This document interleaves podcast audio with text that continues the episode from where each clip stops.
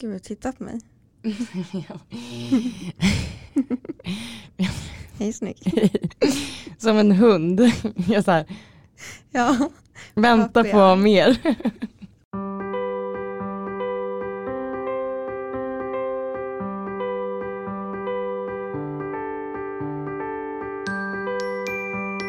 hej det här är Hanna Hej det här är Angelica och det här är våran podd som heter Under livet. Hej Angelica. hej alla lyssnare. Hej. Hur mår du?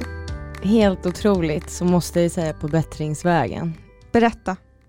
Ja, men hur fan ska jag dra det här kort alltså utan att börja gråta eller Jag har varit sjukskriven tre veckor Det började 21 juni där innan midsommar Det är min första sjukdag men jag jobbade måndagen där Och det var helt sjukt Ni vet feberfrossa fast jag hade russinfingrar hela tiden så jag bara, vad är det här liksom? Och jag tappade matlusten, jag frös, det är ändå Alltså midsommarveckan, så kallt är det ju inte. Alltså att man ska behöva en värmefläkt på jobbet.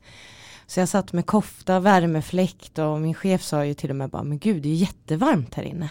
Och jag bara, nej jag fryser jättemycket. Så tog jag Alvedon och jag hade liksom börjat få lite ont i munnen. Jag trodde att det var liksom någon aller allergisk reaktion. För jag kände, ni vet som att det kan domna lite. Och sen gick jag hem efter jobbet, la mig och sov och hade två tecken och en sån här värmegrej som man lägger i eluttaget. Och frös fortfarande. Och sen på natten då bara liksom eskalerade hela mitt ansikte, hela höger sida hängde, höger sida läpp hängde. Jag kunde inte prata, jag kunde inte stänga munnen, det bara rann drägg. Alltså, så här är jag typ rädd att jag skulle fastna och dra in för att jag, jag kunde inte stänga min mun, det bara hängde. Så jag ringde mamma, hon bara kan du blinka med ögat? Så att det inte var liksom något neurologiskt. Och det kunde jag ju göra utan det var liksom från under ögat på höger sida och ner. Att det, alltså det är helt sjukt, jag kommer dela bilder på Instagram men fruktansvärt läskigt och jag var helt vit i munnen. Det var som ett vitt täcke, bara höger sida. Från höger framtand bakom, alltså hela munnen, allting. Ett vitt täcke. Alltså kritvitt var det. Jag visste liksom inte vad det var och det sved som fan. Hur jag än liksom pratade så sved det. Så då var jag ju hemma den dagen såklart från jobbet. Och sen blev det bara värre och värre under dagen. Så på onsdagen så ringde jag först 1177. Eh, De trodde att det var allergisk reaktion. Så jag tog typ 10 kortisontabletter som jag har. Jag tog antihistamin. Inget hjälpte.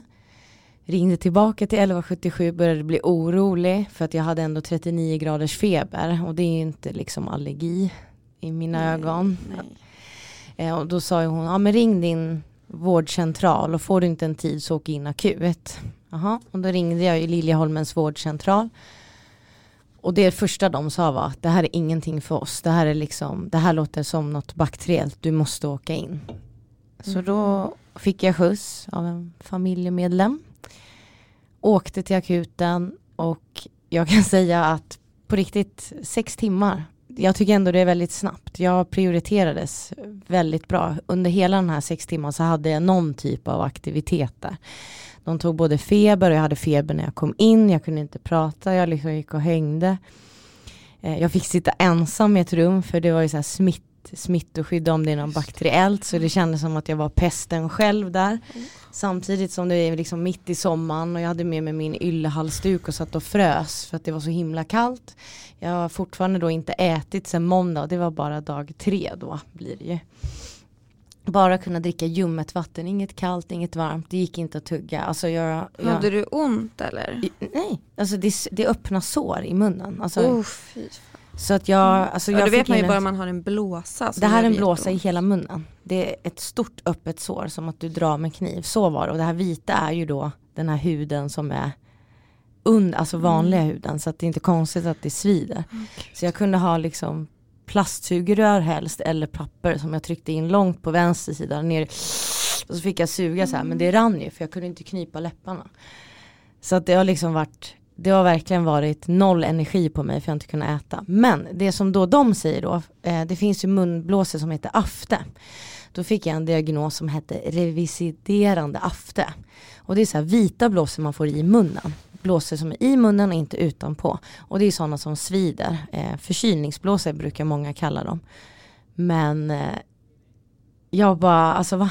Var kommer det här ifrån? Jag kan inte få en ett stort aff, alltså va? Man brukar få två små vita pluppar om ni googlar. Alltså jag hade hela min mun, ni anar inte. Jag bara, ja ja men då säger jag till er att jag åker inte in till akuten i onödan. Att jag är här nu, det är för att min familj och 1177 och alla har sagt det, att du mår inte bra liksom. Det här är, det här är något bakteriellt. Ja men det är inte en jävla förkylningsblåsa liksom.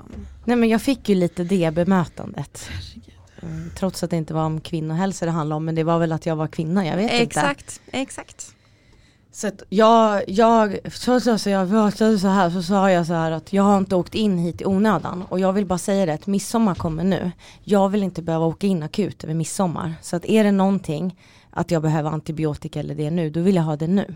För att jag vill Mm. inte behöva åka in igen för att, att jag blir sämre. Och de bara, du kommer inte bli sämre. Så då fick jag ju antibiotika som man sköljer med men man fick inte svälja och smärtstillande lokalbedövning som man sköljer som ser ut som de här hostmedicinflaskorna som man fick gurgla och så fick jag Naproxen och extra Alvedon eftersom att det gör ont eh, och eftersom att jag hade Citodon också så förnyade de dem eftersom att jag är van med endometriosen för att då kunde jag ta det för att det är en sån kraftig smärta. Det här är absolut, det går inte att jämföra med endometrios. Det här är någon helt annan smärta men det här är det här påverkar verkligen sjukt. olika typer av smärta. Ja, och jag och när den kan inte sitter i beskriva. munnen. Jag kan inte beskriva Så nära hjärnan också, det är otäckt tycker jag. Ja, och det är dit vi kommer. Ja, men så jag fick i alla fall hjälp där. Jag blev bara sämre och sämre över midsommar. Jag hade som tur var en fin kompis som valde att fira midsommar med mig själv. Trots att jag var sjuk så att jag skulle slippa vara själv. Så då kom Sofia från Allingsås. Ja, tack Sofia. Jag älskar dig. Alltså fan vad vi hade det trevligt. Jag åt yoghurt och hon tog hand om mig och jag stannade i skuggan och vi försökte ha det kul. Folk kanske trodde att ja, hon är sjuk och hon har det kul men du vet hur vi hade det. Så jag är evigt tacksam att du kom och jag är så glad att jag ska få hälsa på dig i sommar och ge tillbaka eftersom att du tog hand om mig. Så hon kom tre dagar. Midsommar var fantastiskt för att hon var här. Men vad gjorde vi då? Vi bara var. Och jag gjorde mina 20 minuter. För 20 minuter innan bedövningen då vinkade jag så här, då rann det vitt i munnen. Jag bara, åh går inte prata nu? Så vi har inte haft så mycket samtal hon och jag men vi har ändå hängt. Och sen när hon åkte hem så blev jag sämre. Febern bara 39, 39, 39. Och nu när jag började prata så rann det blod, så jag såg ut som en vampyr. Så varje gång jag pratade eller bara la in sugröret så rann det färskt blod ur min mun. För att jag rev upp blåsorna hur jag än rörde mina läppar. Jag kan fortfarande inte göra så här. Ni vet så här man gör med Lypsyl. Och, nej, det går fortfarande inte. Men det här är ju bättre att jag ens kan prata. Så då började det rinna blod. Så då ringde jag Kry och bara shit jag har varit hemma åttonde dagen behöver jag sjukintyg. Så jag ringde Kry och han bara jag vill att du åker in idag, du håller på att få blodförgiftning. Tandköttet är så nära och det är jättefarligt nu. när Det här är och då började jag gråta, jag bara, alltså jag dör hellre hemma än och lägger mig i den där jävla korridoren på akuten hela dagen. Så jag åkte inte in. Men eh, det stod i journalen att jag måste åka in. Och så jag bo bokade till vårdcentralen dagen efter. För jag kollade klockan åtta på kvällen, det är 12 timmar. Ja, hinner jag dö på de 12 timmarna med blodförgiftning? Alltså jag tänkte faktiskt så här och Amelia var med mig i telefon och pratade gått så jag kunde. Hon bara, du måste åka in och liksom, hade jag inte varit gravid så hade jag åkt med dig. Jag bara, men alltså jag dör hellre hemma. Jag sätter mig inte på den här jävla akuten och ligger där i en kall korridor när jag kan ligga hemma här. För så dålig var jag. Så jag valde att stanna hemma och lovade honom då. Jag fick eh, sjukskrivning. Eh, så att jag kunde skicka till chefen. Helt sjukt att man ens ska behöva tänka på sånt här. Men jag var ju tvungen att fixa det. Så sen åkte jag in till, eh, efter en vecka till Liljeholmens vårdcentral. Fick tid direkt. På en kvart. Eh, så jag så har jag åkt Bolt också för att det är smittorisk. Jag har inte vetat vad jag har. Är det pesten eller?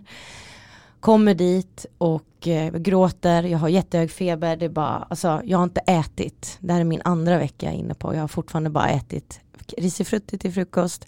En halv keldasoppa och en halv eh, keso på kvällen. Det är det enda och ljummet vatten. Det har varit fruktansvärt. Kommer in Och han bara ser direkt, han bara jävlar, alltså det är bara det är så äckligt i min mun och jag kommer dela, ni ska få se, så här är den sköna sanningen men det är jätteäckligt. Och han bara, jag måste ta prover. Så han lyfter då min läpp med plasthandskar, alltså ni anar inte. Mm. Jag sitter med foten emellan och jag bara sporkar, alltså det gör så jävla jävla ont. Och han tar en tops och bara gräver. Och det bara sprutar blod på hela hans jacka här. Sen tar han en plastspatel som han ska dra då av det här saft... Nej men och då är du väldigt smärttålig också? då är jag smärttålig. Nej, alltså jag var tvungen, alltså jag, ni vet såhär när hjärtat går upp. När han tog de här proverna, han bara jättebra jobbat, vi behöver verkligen. Jag fick lägga mig på golvet. jag la mig på golvet. Jag bara, nej men ha det. Alltså, han bara, ta det lugnt, ta det lugnt. Jag kommer in och så tog de sänkan, CRP, det är det här infektionsgrejen. Mm. Eh, jag hade 50 efter en vecka. Och det vecka ska två. Vara... Tre. Mm, en lunginflammation är 30. Shit. Och jag hade 60 när jag var inne på Rosenlund och de skickade hem mig. Jag ser det i journalen. Han såg. Han bara, varför skickar de hem dig? Du skulle ha fått liksom antibiotika direkt. Jag bara, jo jag fick ju den här. Han bara, nej gud det här är ju det här är, det här är något typ av utslag. Jag vågar inte uttrycka mig men kan du komma imorgon igen? Så jag fick åka till Liljeholmen igen och lämna till prov för man ska för att säkerställa. Det finns ju massa olika blåsor man kan få. Så jag fick åka in igen och göra det här samma prov där han karvade i, alltså ni anar inte. Det är bara sprut, det är som eh, zombiefilm, det bara sprutar blod. Och efter det så går det inte att prata utan då vill jag inte ens dricka ut och jag vill bara liksom gå och lägga mig. Men sen eh, fick jag komma tillbaka igen på onsdagen och då fick jag ju skjuts av min kompis Sandra och hämta mediciner och så. Eh, då visade det att det kallas en primär herpesinfektion. Mm. Eh, och det är alltså typ 1, att det blir munhålan. Och när det blir så här illa då kan man få köttelfeber, eh, hög feber. Och går det riktigt länge utan behandling kan man få hjärninflammation. Och då hade jag legat inne hela sommaren om inte jag hade åkt in efter vad Kry sa. Och då hade den här sommaren varit inte alls detsamma. Men jag fick behandling, jag avslutade min behandling idag. Eh, så att jag är på väg tillbaka men det har spridit sig så jag fick det i ögat, jag fick det i händerna och jag har inte kysst någon, jag har inte delat flaska med någon. Eh, för det smittas ju ofta via så. Eh, min herpesinfektion kom på grund av stress, eh, långvarigt stress. Så det här var min första varningsklocka som jag kommer ta till mig. Att stress kan ge fysiska besvär. Jag har varit inne tre veckor sjuk för att jag har stressat. Livet är mer värt än så. Så att jag har haft ett helvete och nu sitter jag här idag jag har fortfarande inte ätit någon fast föda men jag ser fram emot att få åka till Finland här för jag har en vecka semester nu som kommer härnäst. Så det ska bli kul. Men det har varit ett helvete och idag blev det ett långt intro med mig. Alltså jag vet knappt vad jag ska säga Angelica. Vården skickar hem blodförgiftning. Jag hade kunnat få hjärninflammation. Amelia min kompis sa liksom den här sommaren ska vi ha en bra sommar. Ska du ligga inne? Så när, hade jag inte fått den här behandlingen, jag har gått på tio dagars kur med lokalbedövning, när, man, när ni borrar i tänderna, den bedövningen som läkaren sprutar in i er mun, den har jag gurglat var 40 minut för att ens kunna dricka vatten. Mm. Den har bedövat min mun. Så det har bara hängt. Så, så när jag har druckit har ju allting runnit. Men jag har ändå fått i mig föda. Jag har knappt fått i mig föda. Så jag har gråtit och skrikit och känt att jag kommer i alla fall aldrig gå på en diet känner jag. Alltså det här är så extremt så att jag vet inte var jag ska ta vägen. Nej. Och det är inget dödligt men det hade kunnat bli. Ja, det hade det Det är ren tur. Jag hade ren tur och träffa rätt läkare som såg direkt att det här misstänker jag. Shit. Och primär herpesinfektion, man kan bli så dålig och det står att man ligger inne i, man kan ligga inne i två till tre veckor. Vad gjorde jag? Mm. Har du risk för att det här kommer tillbaka? Eh, det är alltid. Han sa att det här har ju förmodligen legat latent eftersom att alla har det mm. latent. Mm. En av tre eller något sa han får det. Men han bara, jag har sällan sett någon som får så här. Det är ofta barn i tonåren som får det här. Så här extremt. Så han bara, du är 32 liksom. Det har gått länge. Men det behöver inte betyda. Eh, men stressa ner. Så. Det enda han har sagt till mig hela tiden. Det står i min sjukskrivning liksom äh, utlöst på grund av långvarigt stress och då har jag inte ens nämnt det. För, att han, för jag har inte kysst någon, jag har inte delat flaska, jag har inte solat ute i solen, det är de som kan trigga. Utan han sa, jag bara nämnde lite om mitt jobb. Mm. som är sant. Men det, du har gjort jättemycket i vår Angelica, både på jobbet, du har gjort resor med jobbet. Vi har också gjort massa saker med podden och det, du är sjuk. Du Det är har det, en jag är ju sjuk också. sjukdom. Ja. Mm.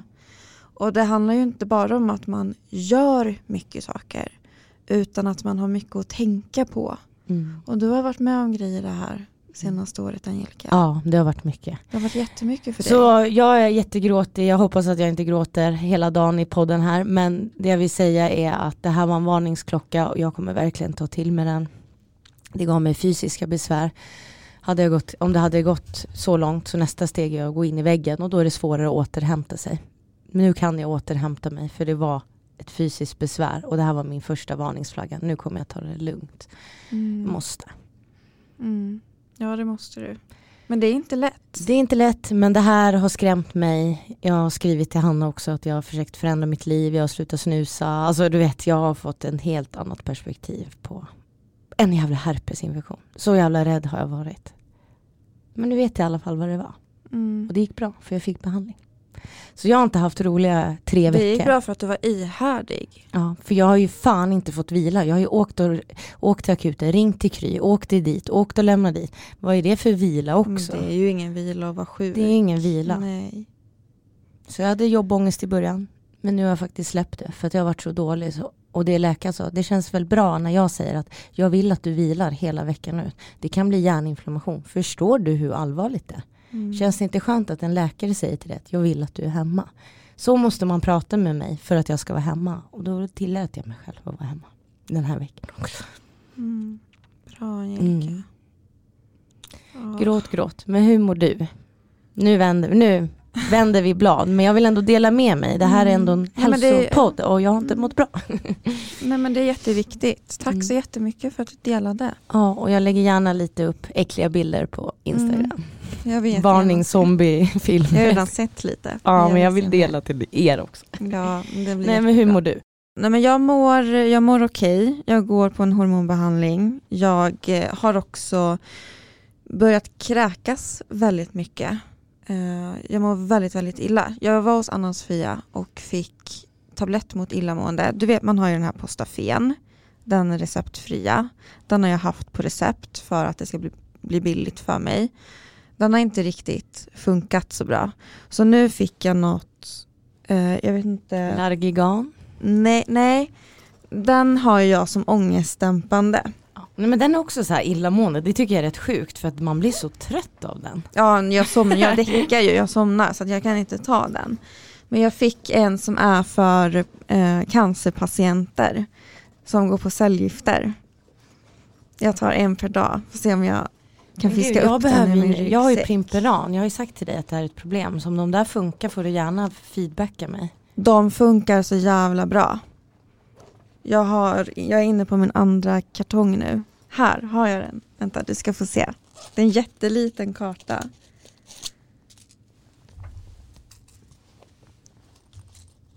Läs vad den heter.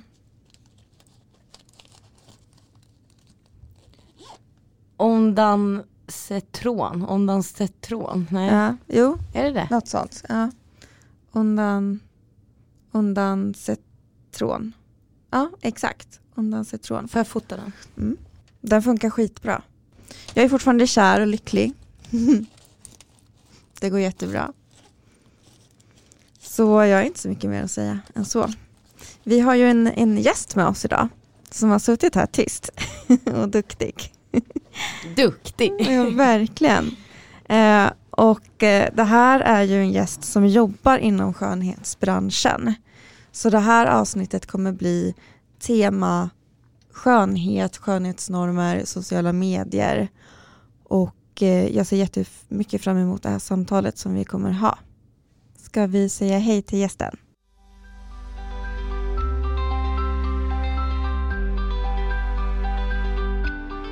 Hej Victoria.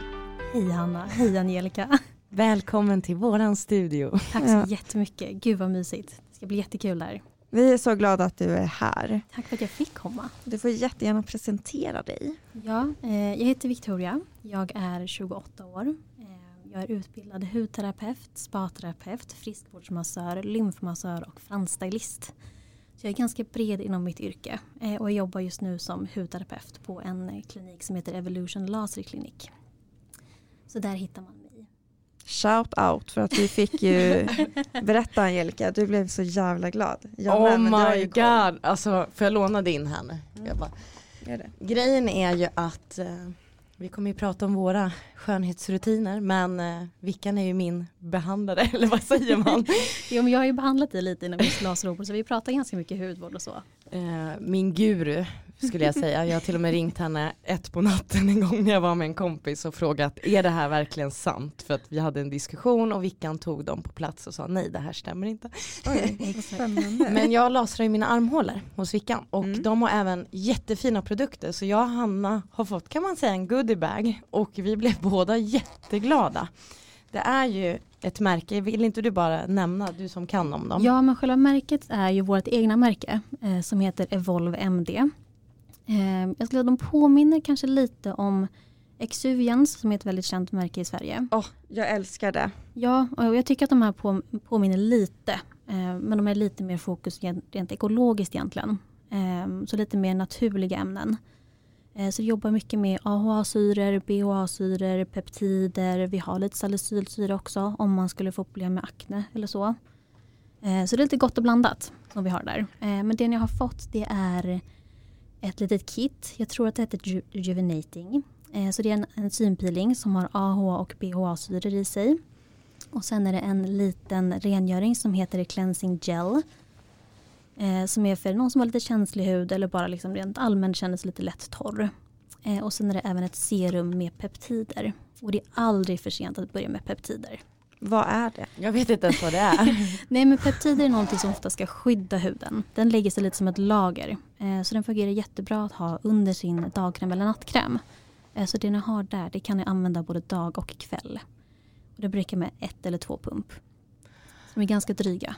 Och så det här har vi alltså fått och en face mist, Precis, ansiktsvatten. ansiktsvatten. Eh, och den kan ni också använda under dagtid. Så den har hyaluronsyra i som ska binda fukten i huden. Alltså det är, alla de här termerna, det låter jättebra. Aha, baha, du igen. Alltså du vet jag bara det här är ju mitt kit. Så Hanna och jag har fått här och vi har fått en necessär som vi blev lika glada över. Ja, jag är så jätteglad vi för ser påsen verkligen också. fram emot att få bli pyssla om oss själva. Verkligen. Men vet ni, alltså jag älskar att stå framför spegeln och smörja in och ge mig själv den tiden och umheten. Lite jag står där och liksom smeker mig själv om kinderna. Och jag tycker att den tiden är, det är så jävla fint och mysigt och härligt. Att jag kan skapa den relationen eh, med min kropp och mitt ansikte. Så det, för mig så är det så himla mycket mer än lite AHA A, BH, A, allt vad det heter. Ja, men det, blir, det blir lite liksom egen tid för en själv när man står liksom och pysslar om sig själv liksom hemma sådär varje Mm. kväll eller morgon. Och det är viktigt att man får den tiden också. Men det Exakt. kan ju också bli lite skadligt till slut. Tyvärr, om man synar sig själv för mycket. Mm. Och Ja, det vi det tänker prata lite om det idag. Ja. Men berätta lite först om det. Hur kom du in att du ville jobba inom skönhetsbranschen? Ja, alltså jag halkade in det lite som på ett bananskal. Eh, jag gick på gymnasiet, musiklinje, eh, men jag hade fokus då sång. Ehm, och sen skulle vi forska lite inom olika musikgenrer. Och då var jag inne i en period där det var mycket så här akustisk musik. Och det var så här, okej men hur kan akustisk musik påverka, påverka oss människor rent eh, emotionellt, rent i kroppen, hur känner vi när vi har lyssnat på akustisk musik? Eh, och då googlade jag runt lite och då kom jag in på en spa-terapeututbildning. Och att det kopplade då liksom att akustisk musik kopplas upp in med spa. Eh, Så då gick jag in och kollade lite på den utbildningen och bara men gud det här låter ju hur kul som helst. Det här vill jag göra. Eh, Så då var jag så här, musik, nej vad är det för något? Ni vill inte alls göra. Så jag sparade ihop pengar till att gå den utbildningen för den fick man betala själv. Vad kostar den? Då kostade den 30 000. Mm. Eh, Jag tror att den ligger på lite mer nu för det här var 2017 som jag gick den. Och jag gick ut i 2013 tog jag eh, gymnasieexamen. Mm. Så det tog några år att spara upp. Liksom. Ehm, och sen så började jag jobba direkt efter en examen från spa-terapeut. Började jobba på en, eh, ja, men ett spa egentligen. Eh, och fick då se hur mina hudterapeutkollegor, hur de jobbade. Och vart lite så här, men det här vill jag ju också göra. Vad är det här? Eh, så jag har också bara halkat in lite på ett bananskal där. Så det är liksom vidareutvecklar det hela tiden. Vilket är jättekul för att den här branschen är så otroligt bred. Eh, så det finns så mycket som man kan göra. Det har ju blivit en hel djungel rent med alla dessa lasermaskiner och produkter och det ska vara lashlift och det är browlift och det är fettfrysning. Det är you name it. Det finns så mycket eh, i den här branschen som kan vara väldigt förvirrande. Eh, tycker jag själv. Och jag har jobbat nu i branschen ja, sedan 2017 och vet knappt själv så här, vad är det för någonting jag ska använda. Det är väldigt svårt. Det är verkligen en djungel. Och det känns också som att det är hela tiden trender. Nu ska man göra den här behandlingen eller nu ska man göra det här och så vidare. Mm. Men eh, det vi pratade om lite med Vickan här också, det var ju att vi pratade om det här med reklamen också, hur det påverkar, att det är en Precis. djungel. Vad var det vi sa? Nu kanske inte vi ska presentera procent, men vi Nej, sa väl alltså typ 90 procent. Ja, ungefär 90 procent av alla reklamer är ju mycket, om man tittar bara på skönhetsperspektivet, nu ska inte vi nämna några namn på några specifika reklamer eller så, men det finns ju en reklam där man ser hur de smörjer in ansiktet när de är fullt sminkade. Och då står jag där själv som hudterapeut och bara Men hur tänker ni i den här reklamen? Är det inte bättre att man har en icke sminkad människa och har, får ett naturligt intryck hur huden kanske reagerar på den här krämen eller får man det här glowet, smälter in i huden. Liksom man ser att den har foundation, den har highlighter, den har ögonskugga och sen lägger de på en dagkräm på det. Hur? Jag har aldrig tänkt på det. Nej. När man tänker bara gud vad snygg, vilken snygg hy. Exakt. Sån vill jag också ha, jag Exakt. köper krämen. Men det är så otroligt fake. Gör inte influencers så också? Nej, de, har, de gjorde väl det lite i början tror jag. Jag är inte helt säker. Men jag tror att de börjar komma lite mer in, för de är ju så mycket skönhet de också. Så de har förstått det att nej okej jag kanske inte ska ha liksom foundation. Men de har definitivt kanske en, underlag, alltså en underlagskräm på sig redan innan. Ja. Det är inte helt omöjligt, skulle jag tro. Eh, men det är svårt att säga att om det stämmer eller inte. Men jag tror att någonting har de säkert under. För att man har inte en, en fläckfri hud. Det finns alltid någon liten lätt pigmentering eller något litet ärr från en finne man har haft för en vecka sedan som håller på att läka. Det, det finns nästan ingen som har liksom en glashy. Som många tror att man vill, att man har. Mm. Och det är så det... tråkigt att det ska vara det, eh, det idealet man letar efter. Den här glasklara huden. Och det är därför vi vill ha dig här eftersom att du jobbar inom branschen och du är medveten om de här reklamerna och sociala medier och vi ville liksom ha ett litet öppet samtal hur vi faktiskt påverkar av det här. Men jag tänker, du som jobbar med det här, har du inte blivit här arbetsskadad? Det har jag definitivt blivit. Det har ju du och jag pratat om ganska mycket om Angelica. Jo men jag är definitivt arbetsskadad eh, i det här. Eh, och, så jag älskar mitt jobb så otroligt mycket. Det är, det är som att träffa så många människor. Och, eh, i mitt, jag träffar ju liksom kanske 20-30 personer varje dag eh, som har Oj. frågor om just hudvård eller laserhårborttagning, injektionsbehandlingar eh, och sådär. Men jag kan ju själv sitta i spegeln hemma när jag väl smörjer in mig och så bara, ja men mitt ögonbryn hänger lite. Det börjar hänga lite på sidan av kinden. Jag tycker att jag har linjer i pannan. Mitt hårfäste sitter alldeles för högt upp. Eller mina läppar är snea. Man, man kan verkligen titta på detaljer. Eh, och det blir lätt så när man är ett sånt här yrke. För att man påverkas så jäkla mycket av reklamer, av influencers. För det ska alltid vara den här perfekta sidan. Och den perfekta sidan finns inte. Det, det, det, är så enkelt där. Den perfekta sidan finns inte. Och det är mycket man får jobba på där. Och det är, det är som att du går till, ett, eh, till en personlig tränare. Du tränar en gång med den personen och tänker att ja ah, men jättebra, nu är jag ju fit. Nej, men det är du inte. Och samma sak är det med hudvård. Du behöver, det går inte att göra en ansiktsbehandling och sen är du klar. Du måste göra det kontinuerligt hela tiden för att underhålla det. Så ja, arbetsskada, absolut. jag gör ju behandlingar på jobbet var och varannan månad. Och vad gör du för någonting då? Um, ja, ska vi ta den där listan på en gång? ja, för... ska vi göra det innan mm, vi kör ja, igång? Mm. Nu har vi ju... Men då får ni nästan börja med era listor tycker jag. Mm.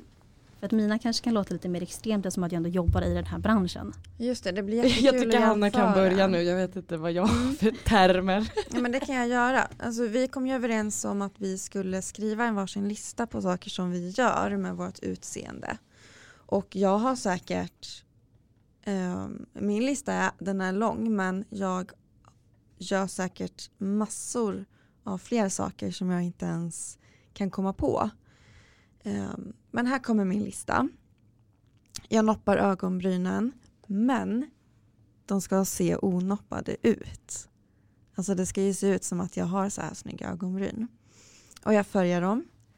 Och eh, när jag sminkar mig då är det brynpenna och gel.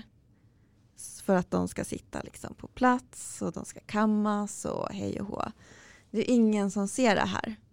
Sen när jag kollar mig i spegeln under dagen och ser att eh, det är något hårstrå från mitt bryn som, har, som liksom ligger fel. Då, då mår jag ju dåligt över det. Precis. För det är de här små detaljerna som man ser i så här, fasen, hur ska jag fixa det här på mig själv? Exakt. Det är säkert exakt. ingen annan som tänker på det där lilla hårstrået som du liksom tycker sticker iväg. Men du själv ser det så himla tydligt. Bara, men gud, det här är hårstrået. Vad ska jag göra med det här hårstrået? Och Precis. får lite den här panikkänslan inombords. Ja, det, är, det blir ett problem. Och jag ser ju... Alltså jag, jag bryr mig ju noll om hur andra ser ut. Jag går ju inte runt och tänker att någon är ful.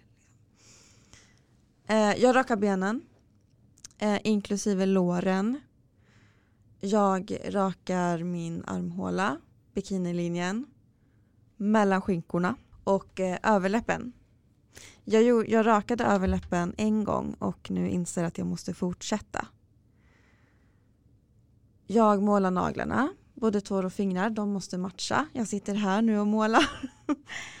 jag eh, noppar också bort hår på tårna. För jag tycker de är för långa. Jag fönar håret med en rundborste efter alla tvättar. Det tar jättelång tid. Och eh, det tar jättelång tid och jag gör det så att håret inte ska se frissigt ut. För hår får inte se frissigt ut. Det är någonting dåligt. Och om jag inte har hunnit eh, blåsa håret med rundborste då sätter jag upp det så här som jag har nu, en knut på huvudet. Eh, och torr shampoo, för det får absolut inte se fett ut. Jag bleker tänderna, eller jag har blekt tänderna ganska många gånger med sådana hemmablekningskit. Jag går på marknadsföringen varje gång. Jag provar, det funkar aldrig. Det blir alltid en vit liten fläck på min ena framtand men det är den enda skillnaden som blir. Och jag skippar ibland solskyddet i ansiktet för att jag vill ha fräknar. Och eh, jag är medveten om vad jag har på mig. Nu ser ni, jag har, jag har linne på mig. Men över det linnet så har jag en skjorta. För jag tycker att mina överarmar är lite för tjocka. Så det tänker jag på. Och att inte trycka ihop armarna så här. Utan att hålla dem eh, ja, men, utåt, armbågarna utåt. Liksom, så att de inte ligger längs med kroppen. För då pressar jag ut överarmarna ännu mer. Det är så sjukt att jag håller på så här. Hur kändes det när du skrev allt det här? För man blir ju faktiskt medveten om, alltså shit, vad, hur mycket gör jag egentligen? Jag tyckte att den känslan kom ju väldigt snabbt, att shit vad jag håller på. Ja, exakt. Vad jag håller på. Vad mycket tid jag lägger på det här. Och vad mycket pengar. Och då tycker jag ändå inte att jag håller på så mycket. Men det är också Mot- det här, varför Exakt. gör det här? Varför gör jag det? Eh, det är ju, jag tänker ju, det är för min egen skull, jag känner mig fräsch och bla bla. Men det kommer ju Mm. från någon annanstans. Det är någonting som ger mig den känslan och den tanken av att jag behöver göra det här för mig själv. Mm.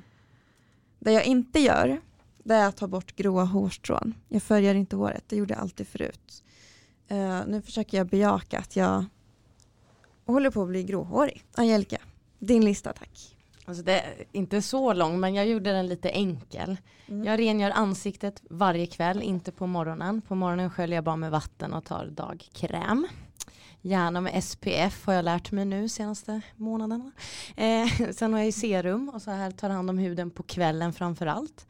Eh, jag kör bus, brun utan sol, varannan vecka försöker jag. Om inte bara ansiktet så försöker jag hela kroppen. Plus en på den. Vad sa du? Plus en. Jag har också Ja, den. du, aha, jag bara plus en, sa jag två? Jaha, nej men jag är med, jag är lite trött, jag har inte träffat människor på så länge. Jag färgar ögonbrynen varannan vecka. Eh, jag blonderar min mustasch så att jag inte ska bli som du Hanna där. För jag fick råd om att inte raka för att jag har gråa. Eh, så att jag blonderar, så jag, jag har långa blonda hår istället. Eh, jag rakar benen en gång i veckan. Muttis, ja, alltså jag är singel, jag rakar när det behövs. Det är rätt bra för pH-värdet att ha hår, så jag är inte så jättenoga med det. Eh, jag lasrar mina armhålor hos Vickan och har gjort det ett tag. Eh, för att jag tycker att det är en sån här grej att gud, har jag missat att raka arm, ah, liksom, arm, armhålorna nu så har man linne här på sommaren. Så det tycker jag är väldigt skönt att jag slipper. Eh, jag eh, målar nagellack till helgen eftersom att jag inte får ha det på jobbet. Eh, jag kör mandelolja på ögonbryn och fransar för att jag har hört att det ska göra att tillväxten ökar. Kanske en myt men det gör jag. Eh, tänder är viktigt för mig eh, så jag kör whitening tandtråd, tungskrapa, munskölj. Eh, och nu efter den här sjukdomsperioden nu när jag slutar snusa om jag håller det, vilket jag hoppas, så har jag tänkt unna mig en tandblekning som du också pratade om Hanna. Får se om jag gör det. Eh, håret också, som Hanna, ska inte vara frissigt så jag har köpt en eh, behandling som heter K18, fett dyr. Men det är för att man ska slippa ha frissiga toppar och den funkar och den gör jag i samband med Olaplex. Försöker tvätta håret en gång i veckan för att ha icke frissigt hår. Torrschampo om jag inte eh, hinner tvätta håret då kör jag fläta istället för knut. Mm. och jag använder botox i mina händer för att det värsta jag vet det är handsvett. Det är ett oseriöst intryck. Jag är uppvuxen så av min far som säger att eh, handsvett det är oprofessionellt, det är osäkert. Det har satt sig i hjärnan så jag gör botox i mina händer för att inte ha handsvett. Har varit ett problem, har inte velat hålla händer men är bättre nu. Solskydd, då kör jag gärna olja. Förutom i dagkrämen. Men eh, ju brunare, brunt, rött blir brunt brukar jag säga. Jag är jättehemsk. Jag kommer säkert se ut som en rynkig hund. Men olja, absolut.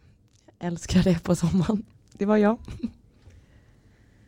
Och då frågar jag dig samma sak. Varför gör du allt det här? Jättesvår fråga. Jag har haft tid nu att tänka. Ja, jag tror att jag gör det för mig själv.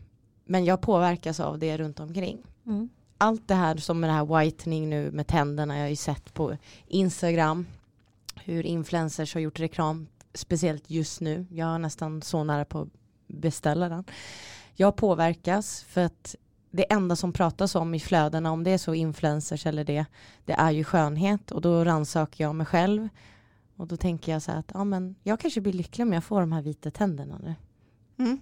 Exakt. För att influencers ser så jäkla lyckliga ut. De ser de så himla lyckliga ut. sina tänder. Ja, och det är därför jag tänker, fan vad nice nu. Det här ska jag unna mig. Det är ofta att jag unnar mig saker. Att nej men nu, nu har det varit jobbigt, nu ska jag faktiskt skrubba hela eh, kroppen och lägga på det här brun utan sol så jag ser fräsch ut. Men jag gör ju det för andra också, det måste jag erkänna. Men jag tror, jag vill tro att jag gör det för mig själv. Det är en jättesvår fråga, eller hur Hanna? Ja, när du när du smörjer in dig med brun utan sol på hela kroppen kan du göra det även om du vet att jag, jag ska bara vara hemma hela den här veckan? Ja, det beror på hur länge jag är hemma, absolut. Ja. Det kan jag göra för att jag är uttråkad och behöver göra något. Ja, mm. ja. Så ja, men det är inte att det är ett prio, men det kan hända ja. Mm. Mm. Och då är det ju för min skull. Men jag tror jag blir påverkad. Eh, jag träffar människor eller kompisar. Oh, gud vad fina brun du har gjort. Ah men gud jag har gjort så här browlift. Ja, då sitter man där och googlar när man kommer hem. Det är helt sjukt. Ja, ja, ja. Mm. Så att jag påverkas absolut. Man blir, man blir lite dum. Ja. Men det är bara som till exempel Angelica hette. Jag tänker här liksom laserhårborttagning, laserhårborttagning armhålor. Kommer du ihåg när du var hos mig första gången? Du skulle inte ens göra någon behandling. Det var min syster som var där och gjorde halva ben och armhålor hos mig. Och min syster var så här, det här är helt fantastiskt. Jag har gjort det här tre gånger nu. Du växer så långsamt. Det här är bland det bästa jag gjort. Och med tanke på att hon säger själv att hon får så bra resultat så frågar jag Angelica, ja, men vill du testa att göra armhålor? Vi har ett väldigt bra liksom, pris på armhålor. Det kostar 99 kronor att göra liksom, båda, båda två. Och då sa jag, men när rakade du dig? Ja, då hade du rakat dig dagen innan. Jag bara, men kom, vi testar. Just det, jag, skulle, jag hade inte ens bokat. Du hade inte ens bokat en tid. Men på grund av att någon säger att det här är helt fantastiskt, jag är det bästa jag har gjort. Och nu vet jag att min syster är väldigt nöjd med sin behandling. Men influenser som får betalt för att säga att det här är det bästa gjort, så kanske de inte är så nöjda med resultatet ändå. Och det är det här som många kanske går på ibland. Eh, och det är väl där jag själv kan tycka är viktigt bland oss just som jobbar i skönhetsbranschen att kanske inte jobba med de största influenserna utan ha heller lite mindre som kanske ger en ärlig recension och bara ja men jag fick det här bemötandet, det, det kändes så här i behandlingen, det stack till lite, det var inte smärtsamt, de var trevliga, de gav mycket information. Eh, och man ska ju fråga den man ska gå på behandling hos. Här, vad kan jag förvänta mig för resultat? Det är inte fel att fråga. Just. Det är jätteviktigt att ställa frågor. Så att man känner sig säker i att göra behandlingen. För minsta lilla osäkerhet. Och är det så här, alltså, är den här behandlingen verkligen för mig? Backa, gå hem, fundera innan du gör någonting. Det är jätteviktigt för man kan få någon typ av kontraindikation eller biverkning av en peeling. Man kan bli lite extra röd som sitter i 24 timmar som man inte hade förväntat sig. Man vet aldrig. Mm. Jag måste säga här innan du kör din lista. Eh, jag, jag hade faktiskt glömt bort att jag inte ens skulle göra lasra. Och då kom jag igång. Så när jag redan var där så frågade jag Vickan om hon kunde lasra min mustasch. Kommer du ihåg det? Det kommer ihåg och då sa jag direkt nej. Ja och det uppskattar jag. Mm. För att jag hade inte de hårstrån nej, som... Nej men det är fel typ av hårstrån och i värsta fall så kan jag göra att det blir mer hår och mörkare hår innan det blir bättre. Så normala sett det kanske behövs göra en 10 behandlingar. Du kanske behöver göra en 30 behandlingar och då kan vi prata om att det tar en 3-4 år innan du känner dig nöjd. Så jag tycker också att det är viktigt att har man någon som säger nej till en som en kund, liksom, om, jag, om du kommer till mig liksom att ah, men jag vill göra armhålorna eller överläppen. Jag säger att nej tyvärr, jag kommer inte kunna göra det för att du har den här typen av hår. Det visar ju vilken typ av kompetens den terapeuten besitter. Mm. Att den faktiskt vågar säga nej, att man inte felbehandlar. För det finns det också jättemånga i den här branschen som gör. Som bara tar in vilken kund som helst. De tittar inte på vilken typ av mediciner man äter eller vilka typer av produkter man använder hemma. De gör inte tillräckligt med efterforskning. För de har tänkt så här, jag måste få in kunder för att den här branschen är så, det är så mycket konkurrens. Så jag tycker definitivt att har man sett någon som säger nej till en annan kund, ta till er det. För då, nej, jag, då det, gav mig respekt, det, är en bra, alltså. det är en bra terapeut, den vet vad den håller på med. Mm. Och hur många är det som säger jag, ja då istället? Det är det jag blir rädd över. För man mm. ser ju faktiskt, vi pratar om det här fina sidorna. Man har ju sett folk lägga upp misslyckade läppförstoringar och hudutslag och sånt. Så att, och det är ju för att den som har utfört behandlingen, den har varit liksom att kunden vill göra det här. Men den, det är liksom din egna kompetens. Vad säger din magkänsla? För våra sjuk, vi jobbar ju mycket med liksom fillers och botox hos oss. Eh, och våra sjuksköterskor de säger, och, och läkare också, de säger nej till kunder. Om det är någon som redan har gjort fillers i läpparna eh, som är lite så i gränsfall att det kanske kan bli lite för stort om vi fyller på. Då säger de nej. För att de vill inte ha det på deras samvete om det skulle bli fel.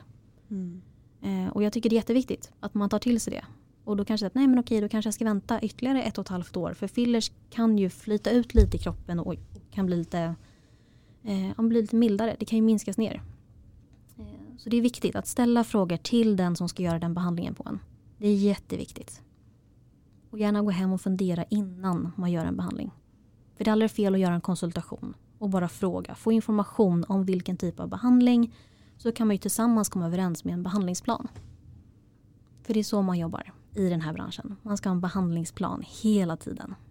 Och alltid liksom kunna prata med sin terapeut. Okej, vad tycker du att jag behöver? Jag själv känner att jag är lite torr i huden. Vad behöver jag? För det är ju den personen som sitter med kompetensen. Gud, alltså det är så mycket eye-openers. Alltså, jag vill höra din lista, men jag kom in på en annan grej bara innan. innan, innan. Ja. Eh, nej. Nej. Jag tappade den. du får komma tillbaka den sen. Helt otroligt vad min hjärna inte funkar. Kör din mm. lista nu. Ja. Alltså nu kan det ju vara så att min lista låter lite, lite extrem. Um, men uh, ja, jag hoppas att det men det är svinbra. Det är ju för att jag jobbar i den här branschen så det är ju mycket som jag ser ja, men, på mig kolla, själv. Vi, vi tog ju vi vårat här med vad vi kan. vi kör. Eh, jag tvättar mitt ansikte och smörjer in mig varje dag. Dock tvättar jag bara ansikte på kvällen. Jag tvättar inte på morgonen. Eh, kan vara lite så här intressant. För jag, kvällen funkar för mig. Sen gör jag lashlift, Jag använder franserum. Jag gör diverse olika ansiktsbehandlingar. Det är alltifrån klassiska ansiktsbehandlingar med portömning, specifika peels om jag skulle få problem med lite finnar då och då eller få problem med pigmenteringar. Och även microneedling. Jag pilar kroppen en gång i veckan. Jag färgar ögonbrynen, plockar mina ögonbryn, laser hårborttagning. Jag använder Spanx för att forma min kropp. Jag sminkar mig nästan dagligen. Gör contouring vid sminkning för att få ett smalare ansikte. Gör laserhårborttagning, LPG-behandlingar, tar bort ytliga blodkärl, fettfrysning, PRP för mörka ringar under ögonen. Jag gör botox, jag har gjort fillers och jag har även gjort trådlyft med monotrådar. Vad är det för något? Eh, trådlyft, Eh, det är kirurgiska trådar som man använder när man liksom syr ihop ett sår eller en operations, ehm, en öppning. Som man då kan göra för att liksom lyfta ansiktet eller liksom fettreducering. Eh, så jag har faktiskt gjort under hakan. Eh, där jag tyckte att jag hade lite för mycket häng. Så jag gjorde med monotrådar som är små trådar som ska egentligen förstöra fettcellerna. Och jag fick ett fantastiskt resultat, verkligen. Jag är jättenöjd med den. Men jag kommer ju bara göra det kanske en gång per år. Så det gör det inte ofta. Men botox gör jag ungefär var fjärde, femte månad. Och var lägger du det? Då lägger jag det i pannan, mellan ögonbrynen, vid ögonbrynen och vid ögonen. Kan du rynka pannan? Nej, det kan jag inte. Oh my god. Shit. Det kan vi Kan du, Hanna. kan, du se, kan du se bekymrad ut? Nej. Nej, det kan jag inte heller. Och sen även då de här kråksparkarna som är precis vid ögonen Ja. har jag också fått bort med hjälp av botox. Eh, Kisa. Ja. Gud, nu, fast, nu fastnar vi här. Vi bara, Gör det, gör det. nej, men det är ju också lite så här, för jag har ju lite problem med migrän också. Eh, så botoxen har ju hjälpt mig jättemycket för det. Eh, och för mig blev det egentligen bara ett plus. För först var det med att jag var ny på arbetet, ville testa botox för jag vet att den försvinner efter en tre fyra månader. Så jag tänkte, okej men jag testar. Vad är det värsta som kan hända? Ja det försvinner sen. Det, det är lugnt. Men vart försvinner det? Det har jag undrat. Jag är så rädd. Mm, vart det, det försvinner kroppen, det? det är kroppen själv som bryter ner det. Ehm, För det finns olika typer såklart. finns så man måste typer. välja. Men jag har alltid undrat bara, vad då försvinner? Mm. Nej, men den Ja. botoxen som vi använder, eh, den är ju FDA approved. Eh, så det är ju framförallt, det är mycket läkare, sjuksköterskor, tandläkare som använder den och det är för att bedöva muskler egentligen. Eh, och det har även använts vid inkontinens, de som vi använder. Eh, så det är ju läkarmedel egentligen. Mm. Men det är så pass lite som man lägger in. Och det som jag tycker själv är väldigt bra med våra sjuksköterskor är att de lägger en liten dos först. Sen får man göra återbesök två, tre veckor senare för att se. Har det fäst? Behöver fylla på mer? Eller känner man sig nöjd? Just det. Eh, Så det ingår alltid också. Så det är bättre att man tar lite och så kan man fylla på med tiden i så fall. Men då vill jag fråga dig, varför gör du allt det här? Det var ju jättemycket grejer. Ja, alltså just botoxen testade jag med bara för att jag ville testa. Se lite så här, vad händer? Och sen märkte jag att det hjälpte med min migrän. Och då var det så här, men då vill jag fortsätta. För jag får ju migrän som verkligen sätter sig över pannan, ögonen och på sidan. Har jag satt botoxen där, det har hjälpt. Jag kan fortfarande få migrän. Men det är absolut underlättat. Jag får inte den här liksom, att jag blir tung i huvudet och måste ligga ner i ett mörkt rum. Eh, utan jag, säger, jag känner mig lite trött. Det är väl så jag kan känna. Mm. Men inte alls på samma sätt. Jag har också eh, fått botox för migrän. Och jag gjorde det på eh, neurologen på Huddinge. Jag gjorde det två gånger. Men jag saknade mitt ansiktsuttryck så mycket att jag valde att inte göra det igen. Eh, jag jobbar ju också som lärare och hade praktik då. Och verkligen kände att så här, jag hade svårt att förmedla känslor när jag hade genomgångar och så. När jag lyssnade på andra så använde man ju liksom min spel hela tiden.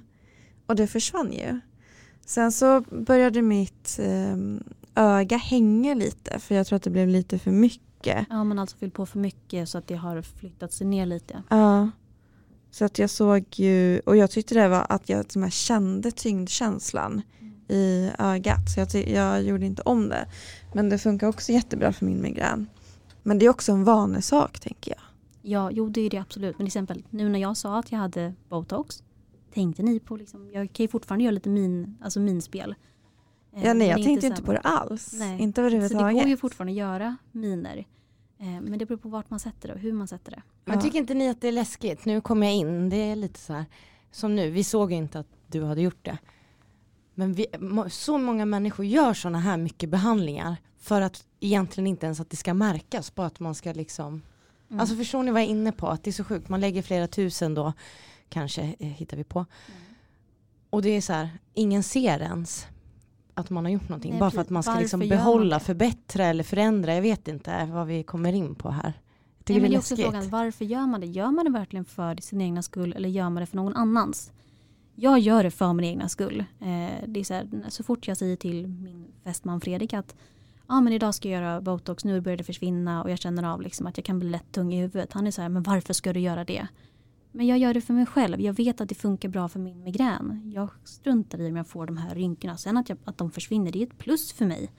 Men det var inte det som var det viktigaste för mig. Utan det var just för migränen. För det finns så mycket som man kan göra med de här typerna av behandlingar. Och sen absolut, jag gjorde en, eh, en PRP under ögonen. Eh, och det är att man tar sitt egna blod och tar ut plasman från det och injicerar tillbaka plasman. Eh, vilket gör att man blir lite svullen under ögonen. Eh, och jag har gjort det fyra gånger. Eh, och nu sist så fick jag ju blåmärken under ögonen. Och det, är så här, ja, det kan ju bli fel även där. Nu försvinner ju det för det här är naturligt för kroppen. Det är kroppens egna plasma. Så det är helt ofarligt. Men jag såg ju ut som att jag hade två blåtiror. Eh, så man får ju titta lite på sånt också. Så om, om jag inte hade fått blåtiror eller märken då hade ju ingen sett att jag hade gjort den typen av behandling för det är pass lite man gör. Um, och i så pass små mängder. Och så pass diskret. Man behöver inte göra någon jätteförändring utan det, det, krävs så lite som kan göra så mycket för en själv. Hur var ni när ni var små eller yngre, tonåringar? Hade ni bra självförtroende eller? Ja, jag hade det. Mm. Både ja och nej tror jag. Alltså jag hade det men mm. man blev ju osäker i vissa situationer såklart. Mm. Kom ihåg. Ja det är samma här. Jag var nog, jag visade nog att jag var ganska självsäker men innerst inne så var jag så otroligt osäker. Mm. Väldigt osäker. För jag tänker att det är så många kanske som har haft den här osäkerheten och ja, den här snea näsan eller det där att nu när jag äntligen kan så ska jag förbättra det här. Och på ett sätt tycker jag är bra. Det viktigaste är att man själv mår bra av det men att man gör det för sin skull. Mm. Jag tror att mycket kommer ju det här med hur man har mått i tonåren och ung vuxen ålder. Och... Ja, jag tänker också när vi var unga då fanns ju inte sociala medier på samma sätt heller som det är nu. Nej. Så nu är ju unga mer mottagliga för det här med kroppshets och kroppsideal. Det så hade jag varit 10-15 år nu, alltså jag tror inte att jag hade pallat. De ser äldre ut många än vad jag gör. Definitivt. Det är helt sjukt. Ja, men som gymnasielärare så kan jag ju säga att det är så många elever som gör läpparna, också pannan. Eh, det ska vara jättelånga fixade naglar. Eh, det ska vara fransförlängning och, och allt sånt. Det kom ju en ny lag första juli förra året. Att det är 18-årsgräns. Det har alltid varit 18-årsgräns. Men nu är det lag på det. Och det är även så att du får inte du måste vara utbildad sjuksköterska, tandläkare, läkare eller kirurg för att utföra en injektionsbehandling.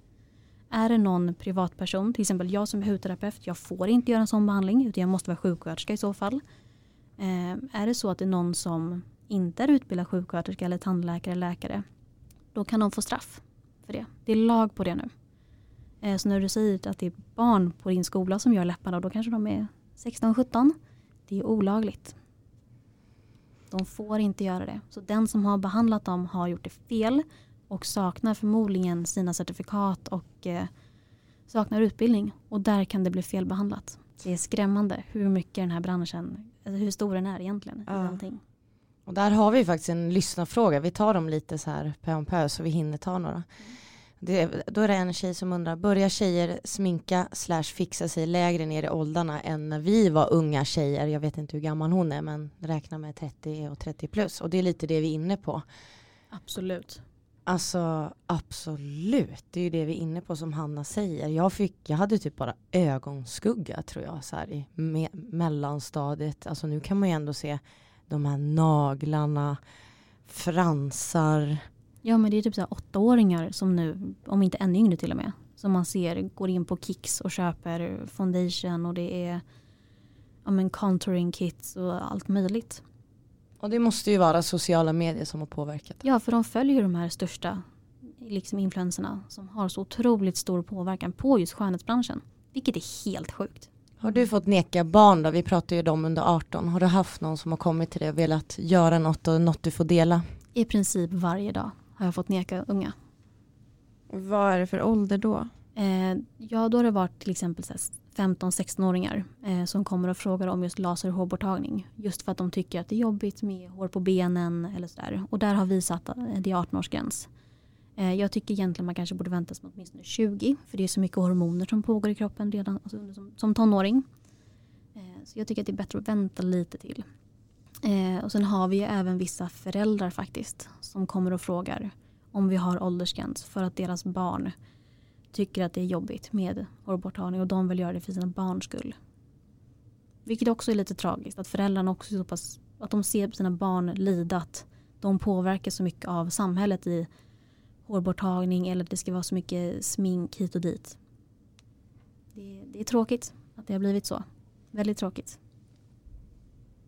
Och att man som förälder nästan... Att man vill göra det för sina barn också. Men jag har lagt fram det till föräldrarna att det är bättre att de väntar. Det är mycket hormoner. Det kan vara så att det blir mer hår innan det blir bättre. Det är bättre att vänta. Då har de faktiskt tyckt att det var okej. Okay.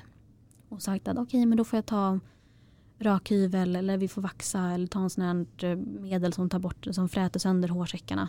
Så det är nästan bättre att ni gör det nu. Även fast det påverkar huden på ett annat sätt så kan man ändå smörja in det. Men laser det är ändå typ av ljus och det kan bli brännskador, det kan bli pigmenteringar. Det är bättre att vänta. Gud vilka risker man utsätter sig för när man gör de här behandlingarna. Mm. Det är, det är därför det är så viktigt att kolla vilken typ av kompetens personen som ska göra behandlingen har. Uh. Så gör alltid en konsultation innan. Det är det bästa tipset jag kan ge alla. Liksom en konsultation innan du ens ska göra en behandling. Och sen gå hem och fundera någon dag och sen boka in en tid för den behandlingen. För Vad är det som är inne nu då? Vad gör flest hos er? Flest hos oss är ju laser hårborttagning. Eh, det är väl det vi gör kanske en, en 80 procent. Men sen gör vi jättemycket olika ansiktsbehandlingar. Vi gör microneedling. Eh, sen har vi ganska mycket botox och fillers också eh, som görs. Vi frågade ju på Instagram igår vad, vad för grejer våra följare gör. Eller lyssnade till podden. Och då tänker jag att jag kan läsa upp några. Trimmar hela nyllet på grund av fjun som blir vitt mot huden på sommaren. Utöver att plocka så ansar jag ner längden på stråna i mina ögonbryn genom att klippa dem. Jag färgar, nopprar ögonbryn, nopp, noppar vårtgårdar, slingar håret, suger in magen, har vaxat mig. Jag väljer större kläder än vad jag ska ha på mig för att undvika frågan om jag är gravid. För att dölja min kropp. Det är många som skriver att de går på ansiktsbehandlingar, de klipper sig, sminkar sig och så vidare. Och så är det en som skriver att det är bullshit. Att man gör det för sin egen skull. Jag var lustigt, precis att jag gör det här för min egna skull. Ja, och det är absolut, där har man väl lite delade meningar. Det är väl som den här, jag vet inte om ni har sett Solsidan, nej det är inte Solsidan, vad heter den? Med Kristin Meltzer, vad heter den serien? Släkten är värst, nej. nej Sommar, Sommar med släkten. släkten. Ja. Där hon säger att jag ska göra en botox och fillersbehandling, att hon gör det för sig själv. Eh, och då var det så här, okej okay, men om det inte finns någon människa på jorden kvar. Hon bara, nej men då kommer jag inte göra det. Hon bara, nej men du gör det ju inte för dig själv. För att det finns ju ingen annan som ser dig. Då, då svarar ju hon att, men då finns det inte ens någon läkare som kan utföra det på mig. Det ligger ju så mycket i det, både i det han säger men också i det hon säger.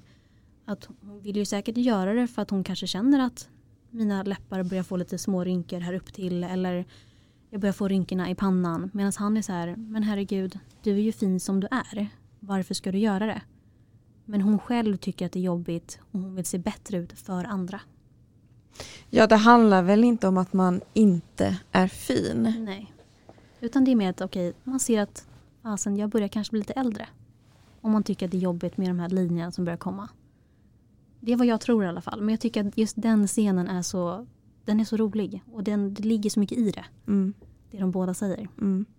Vi har fått en fråga här från en lyssnare. Varför betraktas valkar och celluliter på bebisar som, på bebisar som gulligt men inte på vuxna? Vad tror ni om det? Ja, men är det inte så att man säger att alla barn är ju söta? Ligger inte någonting i det? Jo. Alla barn är ju så otroligt söta så att en litet barn som har liksom de här Michelin-armarna Mm. är ju jättegulligt. Men jag, absolut, jag förstår det också. att Varför är inte det fint? För att många tänker, nej men vadå, det är, det är ett barn. Ett barn kan inte ta hand om sig själv. En vuxen människa. Hur har den här personen satt sig i den här situationen? Där hon har fått celluliter, eller han, fått celluliter och valkar. Hur kan det vara så att den personen äter så pass onyttigt? Det kan ju faktiskt vara så att den här personen äter väldigt nyttigt men att det ligger övervikt genetiskt. Det vet man ju inte. Ja, jag har ju så mycket celluliter på rumpa och lår. Jag tror att det är, det är genetiskt, är jag väldigt säker på. Men jag tänker också, skulle det kunna ha någonting med sexualitet att göra? Att eh, kvinnokroppen ska ju vara sexig. Ja, en gud, ja. bebis sexualiserar vi ju inte. Nej, så är det absolut. Absolut. Ja. Det, ja, alltså jag vet inte om jag ska säga än så. Ja, absolut. Man ska ju alltid framstå som att man har sina bästa sidor hela tiden. Ja, har man då ja. att man så här, jag har en liten grop på mitt lår här nu, usch jag mår så dåligt över det. Alltså det är ingen som kommer titta på det. Det är en själv som tänker på det. Men det är också det här, reklamer. När de smörjer in sig med en kräm på benen och den är fläckfri. Bara, Men det är ingen som har en fläckfri ben. Det är alltid någon som har någon cellulit eller en leverfläck eller vad som helst. Och alla de där grejerna har ju ökat framförallt på Instagram. Och jag kan känna igen mig, har man då en dålig dag eller som nu när jag har varit hemma sjukskriven i tre veckor, tro mig, jag har koll på alla reklamer på Instagram just nu. Jag fick stänga av, för jag började må dåligt, för att när jag hade tid att tänka, jag bara, men gud, började titta, ja men som vi pratade om, i mitt ena ögonbryn där, det är ett hål där. Jag kanske skulle göra så att jag liksom tatuerar in bara där. Alltså, jag har haft sån tid att tänka, jag tycker det är så läskigt. Så det gick så långt här nu när jag var så dålig att jag bara, nej. Jag verkligen stängde av notiser där, för sociala medier påverkar inte mig positivt när man mår dåligt framförallt. Men ibland sitter jag ju själv där och googlar, bli av med celluliter. Det är klart man har gjort det. Det är så Mm. läskigt. Alltså, man Ja. säger nu tar jag bort det, sen sitter du ändå där och googlar. Jag vill inte det. Nej. För det kan jag också känna med just sociala medier att jag är inte aktiv med att lägga upp saker på sociala medier för att jag inte är bekväm med att göra det. Jag kan lägga upp någonting ibland. Men det är så här, nej varför ska andra sitta och titta på min kropp? Är här, Jag är väldigt trygg i mig själv. Men det har ju tagit mig 25 år innan jag blev bekväm i mig själv. Varför har du inte varit trygg i dig själv? Nej, men det har nog varit mycket med att, eh, att jag haft en ganska tuff uppväxt med just övervikt. Eh, och jag vet ju att min övervikt ligger genetiskt i släkten. Eh, och jag fick ju börja på överviktsklinik redan som sexåring. Eh, och eh, det har ju varit en jättelång... Jag var, var på den här kliniken en gång i månaden. Fram tills jag var 14. Så det var i många, många år. Och där var det också mycket att om inte jag gick ner i vikt då fick jag skäll. Stod jag still i vikt, då fick jag en klapp på axeln. Gick jag ner i vikt, då fick jag en belöning. Och det jag gjort mycket var att när man började skolan eller liksom förskolan så träffade man en sjuksköterska som tog sin vikt och längd och tog mått och allt sånt där. Som säger då att ditt barn är överviktigt. Eller ditt barn är tjock. Ni bör titta på det här. Och på den vägen blev det. Så det, det har varit mycket just med vikten för min del. För jag är otroligt bekväm med mig själv. Nu är jag så här, this is me, take it or leave it. That's it. nej, men det, det är på den nivån där. Det är så att nej, jag tänker fasen inte stå och liksom göra mig skillnad för någon annan. Det här är jag. Varför ska jag behöva ändra mig för någon annan? Sen är det klart att är man i ett förhållande, det är klart man ska tänka på vad den andra liksom kompromissa i hemmet eller liksom så. Men i sin personlighet, hur man ser ut. Nej, det här är jag. Varför ska jag behöva ändra på mig för att någon annan säger det? Och då få höra det som en sexåring fram tills jag var 14. Jag slutade slut och svara på tilltal till läkarna. För att jag var så här, fuck it. Gud nu svär jag också. Det får du jättegärna göra. Ja men det var bara så här.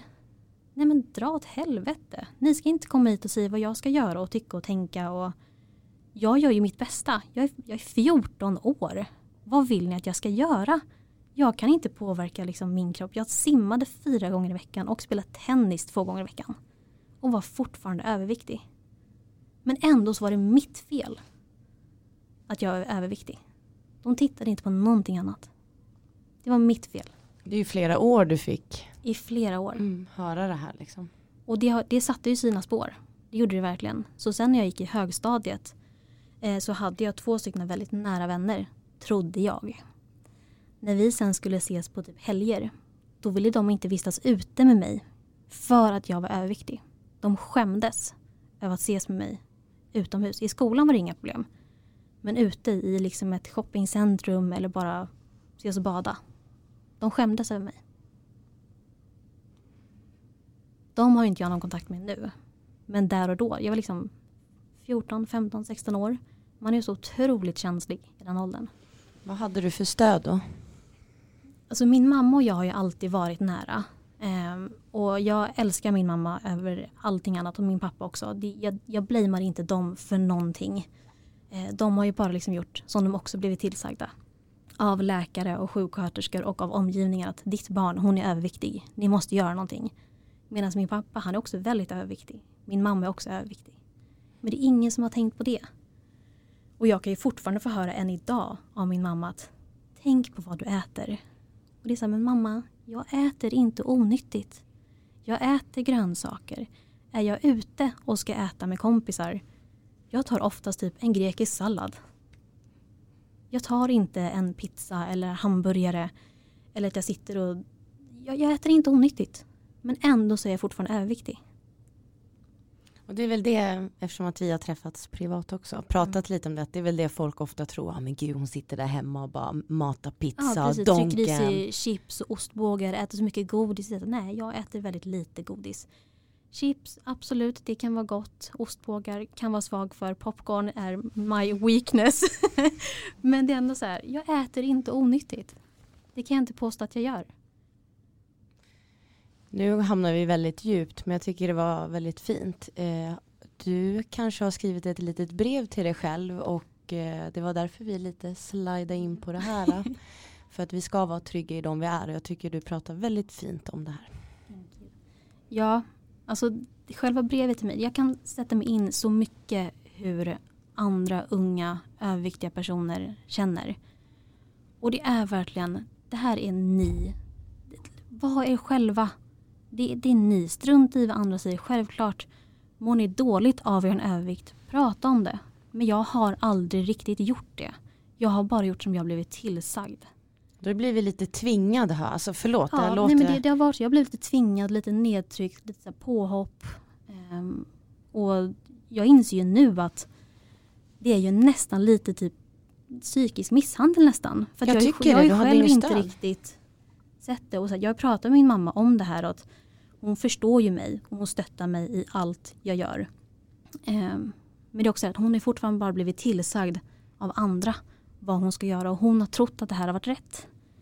Men det är inte alltid rätt väg. Sen kan det ju vara så att hos barn nu att det finns jättemycket sjukdomar med sköldkörtel eller vad som helst. Men är det så att du faktiskt inte mår dåligt i din övervikt. Skulle du känna att du mår dåligt, prata med någon om det. Det är jätteviktigt. Till mitt lilla jag. Victoria, jag vet att du inte haft en lätt uppväxt. Att redan som sexåring få börja gå på en, börja gå på en överviktsklinik för att någon sa till dina föräldrar att du är tjock överviktig. Det har satt sina spår. Du började med simning och till slut simmade du, med, simmade du fyra gånger i veckan och spelade tennis två gånger i veckan. Men ändå så har du fått höra att du inte duger. Om du inte gick ner i vikt så blev du nedtryckt och ifrågasatt vad du gör för fel. Du fick inte dricka samma mjölk som barnen i skolan utan du var då tvungen att gå till mattanten för att be om lättmjölk. Samma sak om du vill ha smör på din smörgås. Och du fick även börja på nya dieter. Hade du stått still i vikt fick du en klapp på axeln och gick du ner i vikt fick du en belöning. Så här höll det på i flera år. När du som 14-åring fick du nog. Du slutade svara läkarna på tilltal när du pratade med dig Och du började bli mer rebellisk. Och jag förstår dig. Lilla fina underbara Victoria. Du är fin precis som du är. Otroligt stark tjej med en egen vilja som inte backar undan vid utmaningar. Men att få höra i flera år att du inte nått ett mål, att man inte är bra nog, det bryter ner en totalt. Victoria, jag vill krama om dig och säga att allting kommer bli bra. Du, du, har en fantastisk framtid framför dig och sluta aldrig kämpa för det du tror på. Och tro på dig själv, för du är vacker, snäll, omtänksam och helt jävla amazing. Mm. Och det är du. och det är samma sak med alla andra där ute som känner precis som jag. Ni är helt jävla amazing. Verkligen. Sluta inte tro på er själva. Var jättefint och ett bra tips att skriva ett brev till sig själv. Alltså väldigt fint. Jag är tårögd, jag kan inte prata. Jag checkar ut. Men jag skulle vilja fråga dig Angelica vad det, vad det är som gör att du blir så rörd av det. Det är för att jag känner Vickan. För att det är min kompis. Jag tycker du är så stark. Du inspirerar mig, vi har så jävla kul. Eh, jag har liksom aldrig sett dig som överviktig. Alltså som det kanske var förr att man inte ville leka med den. Alltså du är helt jävla amazing. Jag tycker vi ska vara stolta över dem vi är. Precis som du själv sa.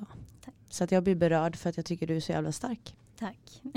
Och att du kan säga det där till dig själv. Att om du bara hade kunnat ge dig en kram. Det kommer bli bra. Men du fick ändå genomlida det där i många, många år Precis. innan. Och så, jag förstår mina föräldrar. De har bara gjort som de har blivit tillsagda av, liksom, av läkare. För att man litar så jävla mycket på läkarna. Och till exempel om jag går till en läkare nu med något besvär. Det första jag säger till dem är att jag vill inte att du kommenterar min övervikt. För att jag har varit överviktig hela mitt liv. Det här är genetiskt. Vi behöver inte prata om det. Det är det första jag säger till alla läkare. Och då gör inte de det. För det är alltid någonting som, jag har haft min migrän. De bara, ja en övervikt. Jag vet att jag är överviktig. Men jag har haft migrän i flera år. För de skriver ju ofta det i journalen. De skriver jätteofta det. Den här personen är överviktig väldigt nu. överviktig. Eller sjukligt överviktig. Har det stått också. Sjukligt? Sjukligt överviktig. Hur vet de, hur vet de det? Ja för de tänker ju då på ens BMI. Att man har ett BMI typ över 40 eller vad det är. Och det är man sjukligt överviktig. Men det är inte alltid de testar det heller. Utan det kan ju vara att man kommer in till läkaren för att man har lunginflammation. Då Exakt. skriver de ju ändå status på kroppen. Ja. Uh, mycket överviktigt utan att testa ett BMI. Mm. Ja, men jag menade man måste ju ta blodprov och sånt för att se om någon är sjukligt överviktig. Nej utan då är det så här, de tittar ju på en och det är så här, ja ah, men du, jag ser att du är överviktig. Och det är väl det jag vill få bort för att jag känner mig inte ett dugg överviktig, alltså verkligen inte. Eh, och sagt, jag simmade ändå fyra gånger i veckan eh, och spelade tennis två gånger i veckan. Det är inte många 14-åringar som gör idag. Ändå så var så här, ja men du är överviktig. Bara, men, jag fattar alltså, inte hur du orkar kämpa då. Alltså du vet så man bara så, tränar och tränar och ändå äter bra. Ja, nej. Jag fattar inte hur du orkade. Alltså jag hade brutit ihop. Ja nu i efterhand så vet ju inte jag det heller. Faktiskt. Utan det var väl det att jag blev tillsagd av andra. Och jag tänkte väl att nej, det är ju så här det ska vara. Mm. Vilket är helt sjukt. Att man lyssnar så mycket på andra. Mm. Och det är därför jag kommer till den punkten att this is me, fuck it, jag kör mitt race. Och jag pratar ju väldigt mycket med min fästman om det här. För att han vill ju väldigt gärna liksom att vi ska träna. Och jag vill träna också. Men ibland är det så här att nej men jag, jag, jag pallar inte just nu. Att min kropp säger bara ifrån. Och det kan vara alltifrån att vara mycket på jobbet eller att rent psykiskt säger ifrån. Just för att det blir tillbakablick från barndomen, hur man hade det då. Att träning har ju inte gett mig den här positiva känslan. Mm. Utan det har varit mer tvång.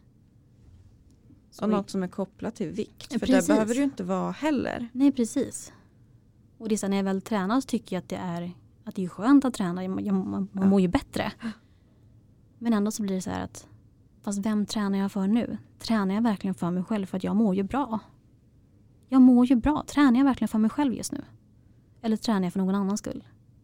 Och då har det blivit med att nej, då vill inte jag träna. För jag, jag gör det inte för min egna skull. Nu har vi pratat massor om både behandlingar och våra listor och lyssnarnas listor och vi kom in på din historia här. om du ska dra ihop säcken här nu av allting vi har pratat om lite, sammanfatta allt med sociala medier och sånt. För att Ja. vi valde att ha med dig just för att du jobbar inom skönhetsbranschen. Och du får nog höra väldigt mycket förslag på vad du, de vill förändra, vi alla. Men dra ihop den här Ja, dagens avsnitt. Då skulle jag börja med att säga att innan ni gör någon typ av behandlingar så gör alltid en konsultation och gå gärna till flera olika ställen och gör en konsultation innan ni bestämmer er för vart ni vill gå någonstans, vilken typ av behandling. För att alla ser olika saker. Men utgå alltid själva från vad ni själva vill jobba på. Är det så att ni känner er torra i ansiktet, utgå från det. Vem känner du själv lyssnade på dina behov? Eh, titta inte så mycket på sociala medier. För det är fake. Det är så otroligt fake som det bara kan bli. Utan gå och prata med sådana som är utbildade i ett sånt yrke eller sånt ämne. Och få informationen direkt. Så lita inte på sociala medier. Det är jätteviktigt. Och syna inte er själva för mycket heller. För det sätter sina spår. Man får jättemycket hjärnspöken. Det, det kommer ju leda till psykisk ohälsa. Och bara tro på er själva i allt. Man fixar allt bara man vill det. Det är jätteviktigt. Fuckar det upp just nu, det kommer bli bra i framtiden. Fokusera, fokusera inte så mycket på nuet utan tänk mer, okej, jag skulle vilja göra det här i framtiden. Och sätt små mål istället för att ha ett långt mål. Det tror jag är viktigt också. Jag tycker de där orden får avsluta. Tack så jättemycket för att du kom hit idag. Tack för att jag fick vara här. Tack för att du kom.